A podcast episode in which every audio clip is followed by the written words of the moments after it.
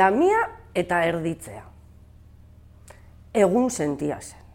Doni bane bespera. Eta Margarita ez nazegoen goizian goiz, bai. Ba, gozaria prestatzeko, segalariei gozaria prestatzeko. Ogi alabean sartu eta usain goxua zukaldean eta halako batean atea ireki eta neska bat sartu zitzaion etxera. E, kaixo, begira nirekin etorri behar duzu. Zure basoan, emakume bat erditzen ari da, eta laguntza premian dago. Margaritzak hau entzun, daño, bai, baino, nortzara zu, nire basoan, norari da erditzen, ez izan beldurrik. Zatoz nirekin, eta zarara mutuko. Oi, baina esken nik orain ezin dut jun, gozaria prestatzen ari naiz egalarientzat eta behar dute gozaldu bueno, moldatuko dira, ez dira hain gauza eza izango, ez da? E, ez zatoz nirekin, eta zure zoria betiratuko aldatuko da. Bueno, Margarita azkenean nola ikusita, ba, laguntzea erabaki zuen. Eta antxe atera ziren, etxetik, neska misteriotxua eta Margarita ba, basorako bidea egin zuten. Basorako puntu batetara iristerakoan, neskak esan zion Margaritari. Artzazu makila eta jo ezazu lurra alaxe egin zuen. To! Eta antxe bire ala, atari bat zabaldu zitzaien. Atariko atea, iriki, eta han, ba, etorbide urestatxu eta itzaltxu bat. Etorbidea pasa, eta gaztelu dizdiratxu batetara iritsi ziren. Zatoz, ez izan beldur. Sartu ziren biak. Jauregi barruan gela bikainak zeuden. Eta gela guztietan, ba, ederrenean, antxe erdian oe bat. Oean lamia bat, erditzen.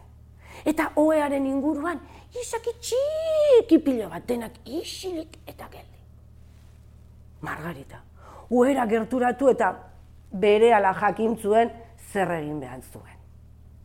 Talaxe, halako batean, lami txikia jaiozan, garrasi batean ba, jaio eta gero eta dena ondo atera zala ikusita, ba, Margarita eraman zuten gozaltzera beste gela batetara. Antxe zeuden prestatuak. Ogi, ogi, elurra bezain zuria, bazegoeren estia, e, eguzki errainuen mm, distira zuen estia. Eta, bueno, ba, basamarru biz eta azi errez eginako piltsoak. Margaritak denetatik probatu, ondo jan eta... Ai, mila eskero, zogo dago, eh? Baina, joan barra dako, et, nik uste denbora luze eman dudala hemen, eta, karo, antxe daude hauek gozaria, ez, da, ez dakit, ez dakit, zer egingo zuten ni gabe. Bueno, bai, lasai, esan zion neska gazteak. Nik lagunduko zaitut atariraino. Ta lasai egin zuten. Zeharkatu zuten etorbidea, aritzpeko etorbideura, eta atariaren aurrean, atea zabaltzen zaiatu, eta margaritak ezin zuen. Lamiak ere atea zabaltzen zaiatu, eta ezin zuten atea ireki, biak batera indarrez atea zabal... Ez da zabaltzen. Lamiak orduan, oh, zuk gure txeko zerbait hartu duzu. Margaritak bai, bai, e, ogi puxketa bat hartu duzen. Bueno, ba, hola, ba, ziurtatzeko ametxetan ez dutela bizi eta etxeko erakusteko eta... Mm, ezin duzu hemendik ez erratera, emaiazu, Eta margaritak eman zion hogi pusketa eta lamiak errekara bota zuen. Bere ala, berez, atea zabaldu egin zen. Ba, ba, zijoan, bideari egi hartu zion ba margaritak eta lamiak intzio. Hemen zure ordaina. Hartu urrezko zagarrau. Ez ezan inorri urrezko zagarrau duzunik. Sartu, zure kutsaren sakonenean.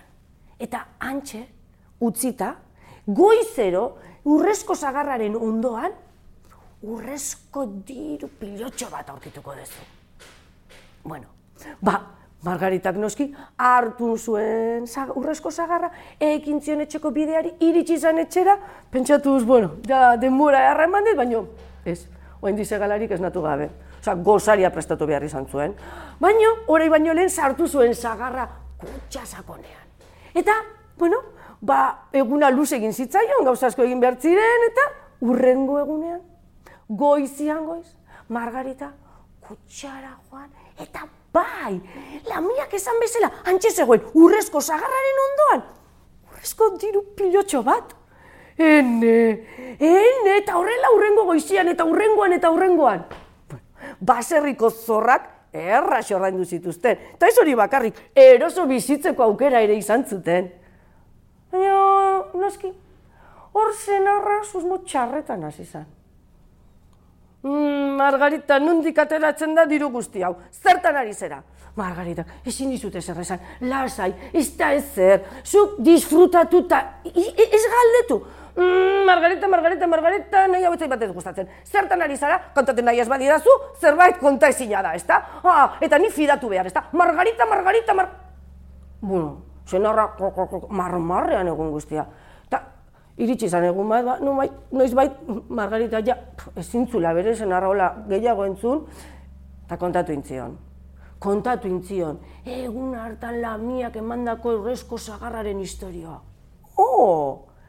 Kontatuta urrengo goizean, antxe joan zian bilak, kutsa iriki, eta han, urrezko zagarraren ondoan, etzegoen ezer, akabo magia.